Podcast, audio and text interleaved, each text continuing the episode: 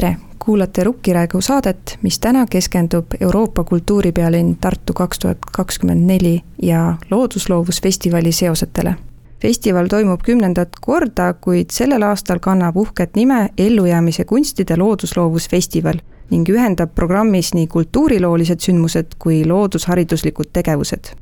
tänases saates on külas kaks Triinu. Triin Nõu, Tartu Ülikooli Loodusmuuseumi botaanika ja uustöötaja, kes kultuuripealinna aastal loodusvaatluste maratoni kommunikatsiooni aitab korraldada. tere! tere! ja Triin Pikk, kes on Euroopa kultuuripealinn Tartu kaks tuhat kakskümmend neli programmiliini Elu ja keskkond juht. tere! tere! esimene küsimus lähebki kultuuripealinnaga seoses Triin Pikale Triin, kas äh, läbi kultuurikeskse sündmuskorralduse on lihtne või raske loodusele reklaami teha? ma usun, et äh, ikka kergem ja just see, et äh, me ise igapäevaselt, paljud meist teevad neid keskkonnahoidlikke tegevusi juba kodus ja kui me neid sündmustel ka üha enam nii-öelda esile toome või siis räägime läbi, sündmuste keskkonnast, keskkonnaprobleemidest, keskkonnategevustest, siis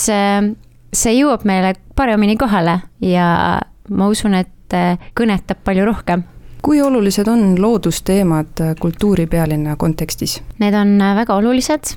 jätkusuutlikkus on üks Tartu kaks tuhat kakskümmend neli väärtustest, meil on neid kokku neli ja jätkusuutlikkus siis tähendab nii keskkonnahoidlikku kultuurikorraldust, keskkonnale tähelepanu pööramist kui ka ligipääsetavust. ehk et meie sündmused oleksid võimalikult keskkonnahoidlikud ja ka ligipääsetavad võimalikult paljudele inimestele sellega seoses ähm, ühelt poolt me siis pöörame tähelepanu nii-öelda programmiliselt, et meil on terve üks programmiliin neljast pühendatud äh, keskkonna ja kultuuri seostele, ehk siis äh, elu ja keskkond programmiliinis selle katuse alla kuuluvad sündmused just kõnetavadki erinevaid teemasid, olgu selleks siis kliimakriis, bioloogiline mitmekesisus, keskkonnahoidlik mood, jätkusuutlik ehitamine, linnaruum,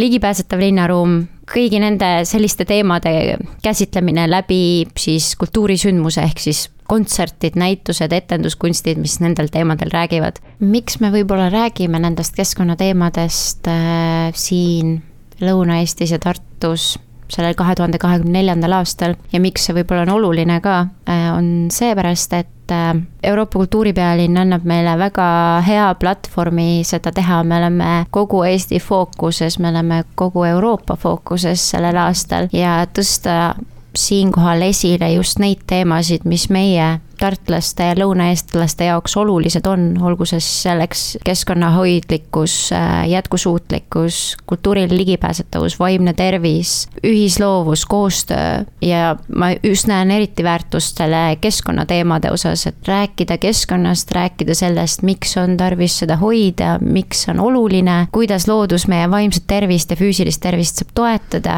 see on lihtsalt suurepärane võimalus teha seda sellel aastal, teha seda suuremalt kui kunagi varem ja sealjuures ka pöörata võib-olla tähelepanu nendele tulevastele väljakutsetele ja praegustele väljakutsetele, mis meid seoses kliimakriisiga ootavad ja juba on siinkohal teeme sellest aastast ühe keskkonnahoidliku ja loodusele ja keskkonnale suunatud aasta. kas äh, keskkonnateemad on sellel aastal äh, rohkem esil kui varasemate kultuuripealinnade aastatel, et näiteks kui võrrelda ka teiste Euroopa linnadega? Me oleme jah teinud selliseid äh, uuringuid vaadanud või nii-öelda vaadanud üle teiste Euroopa kultuuripealinnade programme ja mina märkasin esimest korda sellist keskkonnahoidlikku sündmust kahe tuhande kaheksateistkümnenda aasta kultuuripealinna Leeuwarden, mis asub Hollandis, programmis, kus äh, neil oli selline festival Way Out West, kus siis kogu elektrienergia oli toodetud ise ja sealhulgas nad ka pakkusid ainult taimseid valikuid ja toimus sellises looduskeskkonnas selline suurem festival ja sealt edasi siis järk-järgult on äh, tulnud äh, see teema hästi tugevalt esile ja kuni selleni välja, et kahekümne kuuenda aasta Euroopa kultuuripealinn Oulu nimetas oma kultuuripealinna nii-öelda sellise loovkontseptsiooni culture climate change'iks. kui meil on ellujäämise kunstid, siis neil on culture climate change eelmisel suvel toimus Tartus äh, Voices of Culture'i kogunemine, see Voices of Culture on selline kultuuriplatvorm, mis toob kokku üle Euroopa erinevad kultuuriorganisatsioonid, nende esindajad ja selle kahe päeva jooksul siis äh, ja väga paljude töötundide, hilisemate töötundide jooksul me koostasime dokumendi Euroopa Komisjonile, kus on siis ettepanekud, kuidas Euroopa Komisjon oma erinevate meetmetega saaks äh, suunata kultuuri keskkonnahoidlikkuse poole. mina isiklikult koos Kristiina Aavikuga Tartu linnavalitsusest samuti osalesime sellel ja tegime ka omad ettepanekud, sealhulgas ka ettepanekud näiteks selleks, et tulevased Euroopa kultuuripealinnad ei peaks ainult esitama kultuuristrateegiat, vaid võiksid esitada ka linna keskkonnastrateegia siia juurde, et ähm, ma väga näen, et tulevikus me ei saa ainult rääkida sellest, et milline on meie kultuuriline areng, vaid me peame rääkima ka sellest, milline on meie keskkonna äh, areng, sealhulgas ka seda, et kuidas me seda keskkonda selles äh, piirkonnas, selles linnas äh, tähelepanu alla tõstame ja, ja seda hoiame. Kuidas tundub kõik need partnerid, kes osalevad programmi kokkupanemisel ja panustavad, kui lihtne või raske on neil järgida neid reegleid? Tartu kaks tuhat kakskümmend neli keskkonnahoidlike sündmuste korraldamise juhendit tutvustasime me juba kahe tuhande kahekümne esimese aasta juunikuus, ehk siis äh, kolm aastat tagasi varsti ja eelmisest aastast alates on see juhend, need põhimõtted ma isegi kutsuks neid nii, kohustuslikud kõigile Tartu linnas toimuvatele sündmustele. ja loomulikult on näha erinevust, on näha erinevust võib-olla pigem regiooni vaatest, et Tartu koos Lõuna-Eestiga kannab Euroopa kultuuripealinna tiitlit ja meie programm on üle Lõuna-Eesti laiali, et võib-olla mõnes mõttes eh, ei ole need teenused või teenusepakkujad regioonis nii hästi kättesaadavad, et kui me räägime keskkonna eh, või korduskasutatavatest nõudest või jäätmejaamadest, paikadest, kus inimesed saavad liigiti siis jäätmeid sorteerida, et see võib-olla ei ole nii tavapärane regioonis, aga tegelikult kohati ka Tartu linnas ja, ja vahepeal on hoopis vastupidi, et äh, Lõuna-Eestis on need sellised keskkonnahoidlikud põhimõtted juba nii juurdunud, nii endiselt alles, et äh, nende jaoks on see kõik täiesti loomulik ja tavapärane. keskkonnahoidlik korraldamine on väga lihtne, äh, ainuke asi, mis meid takistab, on soov ja tahe et seal ei ole mitte midagi keerulist tundub, et nii suure asja puhul äh, pigem inspireerutakse sellest, et on ühiselt ette võetud selline missioon asja paremini korraldada. E, jaa, nii on. kultuurikorraldajad saavad iga äh, aasta kaks korda kokku ja seal on siis võimalus jagada ka neid oma kogemusi ja, ja seda, et kuidas siis on läinud. me kindlasti õpime nendest tehtud sündmustest et äh, vahepeal läheb midagi nihu, siis järgmine kord saab uuesti proovida paremini, et need on kõik sellised õppimiskohad, eh, nii positiivsed kui negatiivsed, mida siis äh, saame omavahel jagada ja tänu sellele Lõuna-Eestis korraldada sündmusi keskkonnahoidlikumalt ja olla sellega inspiratsiooniks ja eeskujuks tervele Eestile Triin, räägi oma ülesandest äh, loodusloovusfestivali raames. Minu ülesanne kitsamalt öeldes on siis viia inimesteni see info, et on toimumas selline põnev sündmus nagu loodusvaatluste maraton, kus siis igaüks saab äh, kaasa lüüa. Äh, kui vaadata sellist laiemat ja pikaajalisemat plaani, siis sõnum võiks tegelikult olla see, et inimesed mõistaksid rohkem seda, et Äh, looduse vaatlemine ja sellest teadaandmine võib olla selline tore hobi ja vaba aja veetmise viis, et panustada siis äh, niimoodi äh, loodusandmete kogumisse harrastusteadlasena. Triin, räägi palun natuke lähemalt loodusvaatluste maratonist, mis see on, kus see toimub, kes saavad osaleda? loodusvaatluste maraton on formaat, kus inimesed saavad siis kahekümne nelja tunni jooksul kirja panna võimalikult palju eluslooduse liike. Et selle eesmärk on siis äh, kaardistada mingi kindla maa-ala, vaatlusala äh, elurikkus ja see maa-ala peaks siis olema registreeritud selleks, et äh, need vaatlused läheksid ametlikult maratoni vaatlustena kirja. ja, ja selle formaadi rahvusvaheline nimi on BioBlitz, kui keegi peaks tahtma selle kohta omal käel rohkem lisaks uurida. ja vaatlusi võib teha igaüks ja vaatlusala võib olla ka näiteks äh, koduaed, kodulähedane park, osa mingist äh, matkarajast. Et selles osas meil erilisi piiranguid ei ole, oluline, et, et sellel alal siis leiduks võimalikult palju looduslikke liike. Et äh, päris Tartu botaanikaaeda minna ja sealt äh, pildistada üles ja siltide pealt äh, liike üles loetleda, et, et see ei ole, see ei ole see, mida me ootame. ja sel aastal toimub siis loodusvaatluste maraton kaheksanda juuni keskpäevast üheksanda juuni keskpäevani ja kutsume kõiki siis kas registreerima oma vaatlusala või siis leidma endale sobiv vaatluskoht juba registreeritud vaatlusalade hulgast, äh, kus siis saab loodusvaatlusi teha. et ähm, loodusvaatluste maraton on ka juba mõnes mõttes võtnud võib-olla sellised omaette väikese festivali mõõtmed, et äh, tavaliselt sellistes äh, avalikes vaatlusalade avalikel vaatlusaladel toimub palju loodushariduslikke sündmusi, on kohal liigispetsialistid, kes aitavad siis määrata taimi, linde, toimuvad siis öised putukavaatlused, kuulatakse detektoriga ka nahkhiiri, et need on alati sellised põnevad äh, sissevaated äh, loodusesse võib-olla, mida tavainimesel omal käel on keeruline korraldada. et äh, julgustan kõiki uurima meie kodulehelt programmi, kui see avalikuks saab ja ja leidma endale võimalus teha loodusvaatlusi või siis osaleda nendel korraldatud loodusretkedel küsin äh, kohe siinkohal, et äh, loodusvaatluste maratoni nimetatakse ka harrastusteaduse üheks tippsündmuseks Eestis, et mida see tähendab? no see on selline suur äh, tiitel muidugi Tartu Ülikooli Loodusmuuseumile ja botaanikaaiale selle pikaajalise tehtud töö eest harrastusteaduse vallas. ja harrastusteadus siis hästi üldiselt tähendab siis seda, et tavainimesel on võimalik panustada mingil viisil teadusesse et praeguses kontekstis me räägime siin loodusteadusest ja konkreetsemalt siis äh, elurikkuse kaardistamisest, erinevate elu, elurikkuse liikide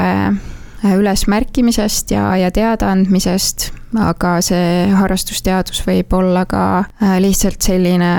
et, et näiteks sa käid kuskil abis äh, ulukeid loendamas ja oled lihtsalt selles, äh, kõnnid lihtsalt äh, metsas ja otsid neid märke ul-, ulukitest, et, äh, et see võib olla ka väga spetsiifiline või näiteks kooreüraskite levikut uurid kuskil oma kodupargis või, või midagi taolist, et, et see ei pea olema reaalselt ainult sellise igasuguste liikide määramiseks. Nii et loodusvaatluste maraton toob kokku eksperdid ja harrastajad ja kõigil sõltumata nende teadmistest, on siis võimalik panustada teadusesse just, et see on võib-olla selline hea ja turvaline koht, kus harrastusteadusega selles mõttes äh, algust teha, et, äh, et saad natuke infot, äh, kuidas päris teadlased siis töötavad ja siis saad ise omal käel selliseid lihtsamaid asju järgi teha. Sa oled Loodusfestivali raames loodusvaatluste maratonile kommunikatsiooni ka varem teinud. Kas sa näed erinevust mõne aasta vahel, et kuidas on huvi näiteks muutunud või oskused ja teadmised? Nüüd ma olen muidugi paar aastat eemal olnud, et ma nende paari viimase aasta kohta mul nii head ülevaadet ei ole, aga kokkuvõttes mulle tundub, et festival tervikuna on muutunud suuremaks, on rohkem sündmusi üle Eesti ja maratoni poole pealt on ka näha selget trendi, et tegelikult iga aasta tuleb juurde vaatlusalasid, vaatlejaid ja uuenduse poole pealt võib-olla siis äh, nii palju, et eelmine aasta oli siis esimene aasta, kui loodusvaatluste maraton oli rahvusvaheline, osalesid ka Läti ja Leedu loodusvaatlejad, loodushuvilised ja sel aastal siis äh, püüame rohkem riike kaasata. Ja, ja täiesti uus asi sel aastal on äh, see, et esmakordselt toimub siis esimesest maist seitsmenda juunini loodusvaatluste minimaraton koolidele. ehk siis, kui varasemalt on olnud probleem selles, et äh, juuni alguses on äh, kool juba peaaegu läbi ja õpetajatel ei ole võimalik enam õpilastega näiteks seda vaatlusformaati kaasa teha siis äh, sel aastal me, me lõime sellise võimaluse, et neil on siis äh, võimalik niimoodi viie nädala jooksul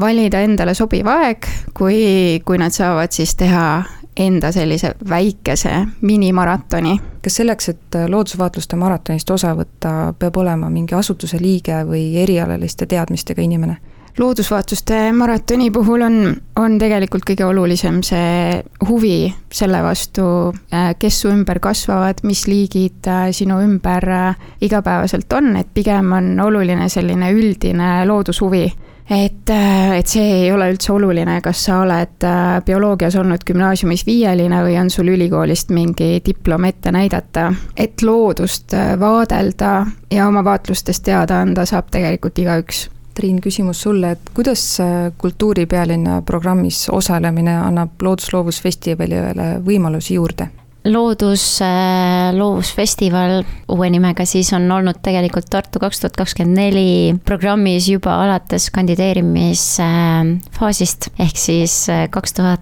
kaheksateist me vist hakkasime koos neid mõtteid mõlgutama ja kaks tuhat üheksateist äh, Tartu siis sai Euroopa kultuuripealinna tiitli. ja ma näen, et sellest ajast alates Loodusfestival on hästi palju edasi arenenud ja see kõik saab seda kõike saab näha ja see kõik kulmineerub siis sellel aastal, kui programm on rahvusvaheline loodusvaatluste maraton, on Läänemere maade loodusvaatlusmaraton, meil on äh, multimeedia lavastus, mis räägib nii-öelda kultuuriloolise loo sellest kohast, kus Tartu asetseb. Ja see programm on hästi tihe nii kultuuriliselt kui ka looduslooliselt, et äh, see ongi ilmselt loodus, loovusfestivali üks väärtustest, et ta toob nii eredalt ja hästi kokku keskkonna, keskkonnatemaatika sihuke populaarteaduslikult ja samas ka selle kultuuri osa on nii hästi sinna põimunud juurde, et äh, seda siis kõike saab sel aastal nautida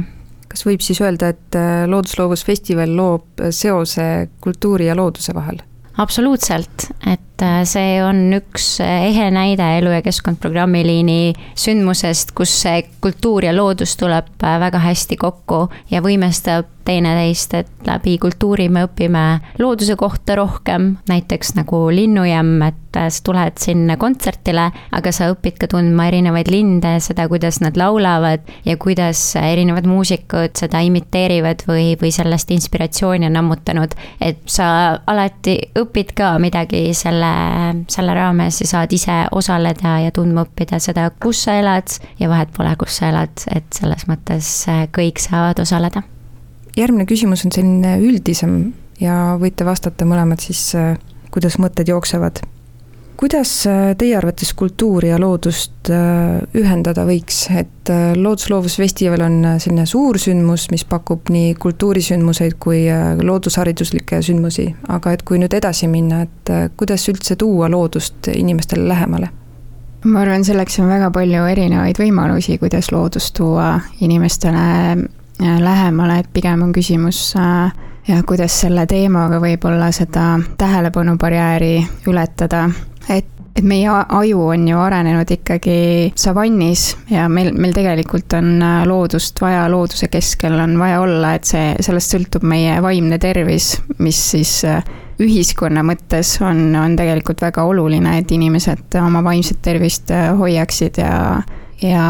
ja ühiskonnana ma arvan ka peab looma neid Äh, võimalusi, et inimestel oleks võimalus minna loodusesse, äh, kuulata loodushääli äh, või siis läbi sellise kultuurisündmuse neile loodust lähemale tuua. ja ma olen ka väga nõus, ma just enne mõtlesin veidikene selle peale ka, et olles ise õppinud semiootikat, siis seal justkui lüüakse need vähemalt mingi aja eest või mingid koolkonnad lõid need kaks lahku, et, et sul on see hästi metsik loodus ja siis sul on kultuur ja kultuur alati nii-öelda kasvab ja kultuuril on see struktuur, loodusel on see ebastruktuur või mittestruktureeritus, metsikus ja siis kultuur muudkui areneb ja võtab nii-öelda looduselt ära seda ruumi. Mõnes mõttes see aitab meil mõista, mis toimub praegu ühiskonnas, mis toimub üldse nii-öelda meie ümber aga teiselt poolt, et kuidas neid mitte nii-öelda lahutada, vaid pigem nagu kokku tuua, et just sellised viisid, ma ei ütle, et peaks otseselt kogu aeg tegema kontserte kuskil parkides, aga just, et kuidas see väljakutse, et kuidas saada inimesi just märkama neid teisi liike, on, ma arvan, üks peamine, sest et mida rohkem sa õpid millegi sellise kohta, mida sa ei tea, seda rohkem sa hoolid sellest, seda rohkem sa märkad seda, rohkem sa kaitsed seda, et ma usun sellesse, et äh, see nii-öelda tänuväärne tegevus näiteks kas või bioloogilise mitmekesisuse taastamiseks, et me ei niida linnaparke ja tänu sellele me saame näha seda liigirikkust, mis tegelikult selles äh, murus on. see paneb meid nagu mõtlema ka selle peale, et mis meie enda aias on, et äh, neid viise, nagu Triin ütles, on hästi-hästi palju, kuidas tuua kokku, et olgu need siis mingid fotokonkursid, kontserdid, kunstnike teosed, installatsioonid, aga samas see loodus ise oma täies, täiesti omas mahlas on nii väärtuslik ja kaunis, et äh, vahel piisab ka lihtsalt sellest, et äh, istuda maas sellel väga tihedal äh, elutempo perioodil ja, ja lihtsalt tunnetada seda maad endal. et kui meil oleks hetk kasvõi selleks. ma olen väga nõus sellega, et tegelikult võib-olla alati ei olegi vaja midagi suurt organiseerida, et tegelikult üks osa kultuurist võiks olla ka lihtsalt looduses äh, käimine ja looduses viibimine, et minu arust see on võib-olla natukene kohati alaväärtustatud, et alati peab midagi kuidagi tegema või, või kuskil olema nagu kuskil pileti eest maksma või, või midagi sellist, et tegelikult võiks ju ka niisama võtta endale väljakutseks näiteks iga kuu vähemalt käia kuskil kas või uues Tartu pargis või kus sa tavaliselt ei käi või, või kuskil Tartu lähedal looduses. just, ja sealhulgas käia kultuurselt ehk siis äh, sa ei astu võib-olla rajalt kõrvale või, või sa ei viska jääd prügi maha ja vastupidiselt võib-olla võtad kilekuti kaasa ja koristad ära selle, mis sinna on tekkinud, et see on ka hästi tähtis see on väga mõnus mõte, millega lõpetada, et äh, kui naudime kultuuri, siis teeme seda näiteks looduses või äh, läbi looduse teemade ja kui me käime looduses, siis teeme seda kultuurselt. ja kõik, kes kuulavad saadet ja tunnevad, et nad sooviksid festivali kavasse veel panustada, tuua loodust inimestele lähemale või õpetada neile midagi, mis neile südamelähedane, siis võtke meiega ühendust ja uurige lähemalt loodusfestival.ee. Triin, sinu poolt nüüd üks küsimus kuulajatele jaa, mul on selline küsimus, mis motiveerib inimesi minema loodusvaatuste maratoni kodulehele. Ja küsimus on siis selline, et äh, mis aastal toimus esimene üle-eestiline loodusvaatluste maraton ja mitu vaatlust tehti? aitäh saatekülalistele, aitäh kuulajatele, rukki rääkimiseni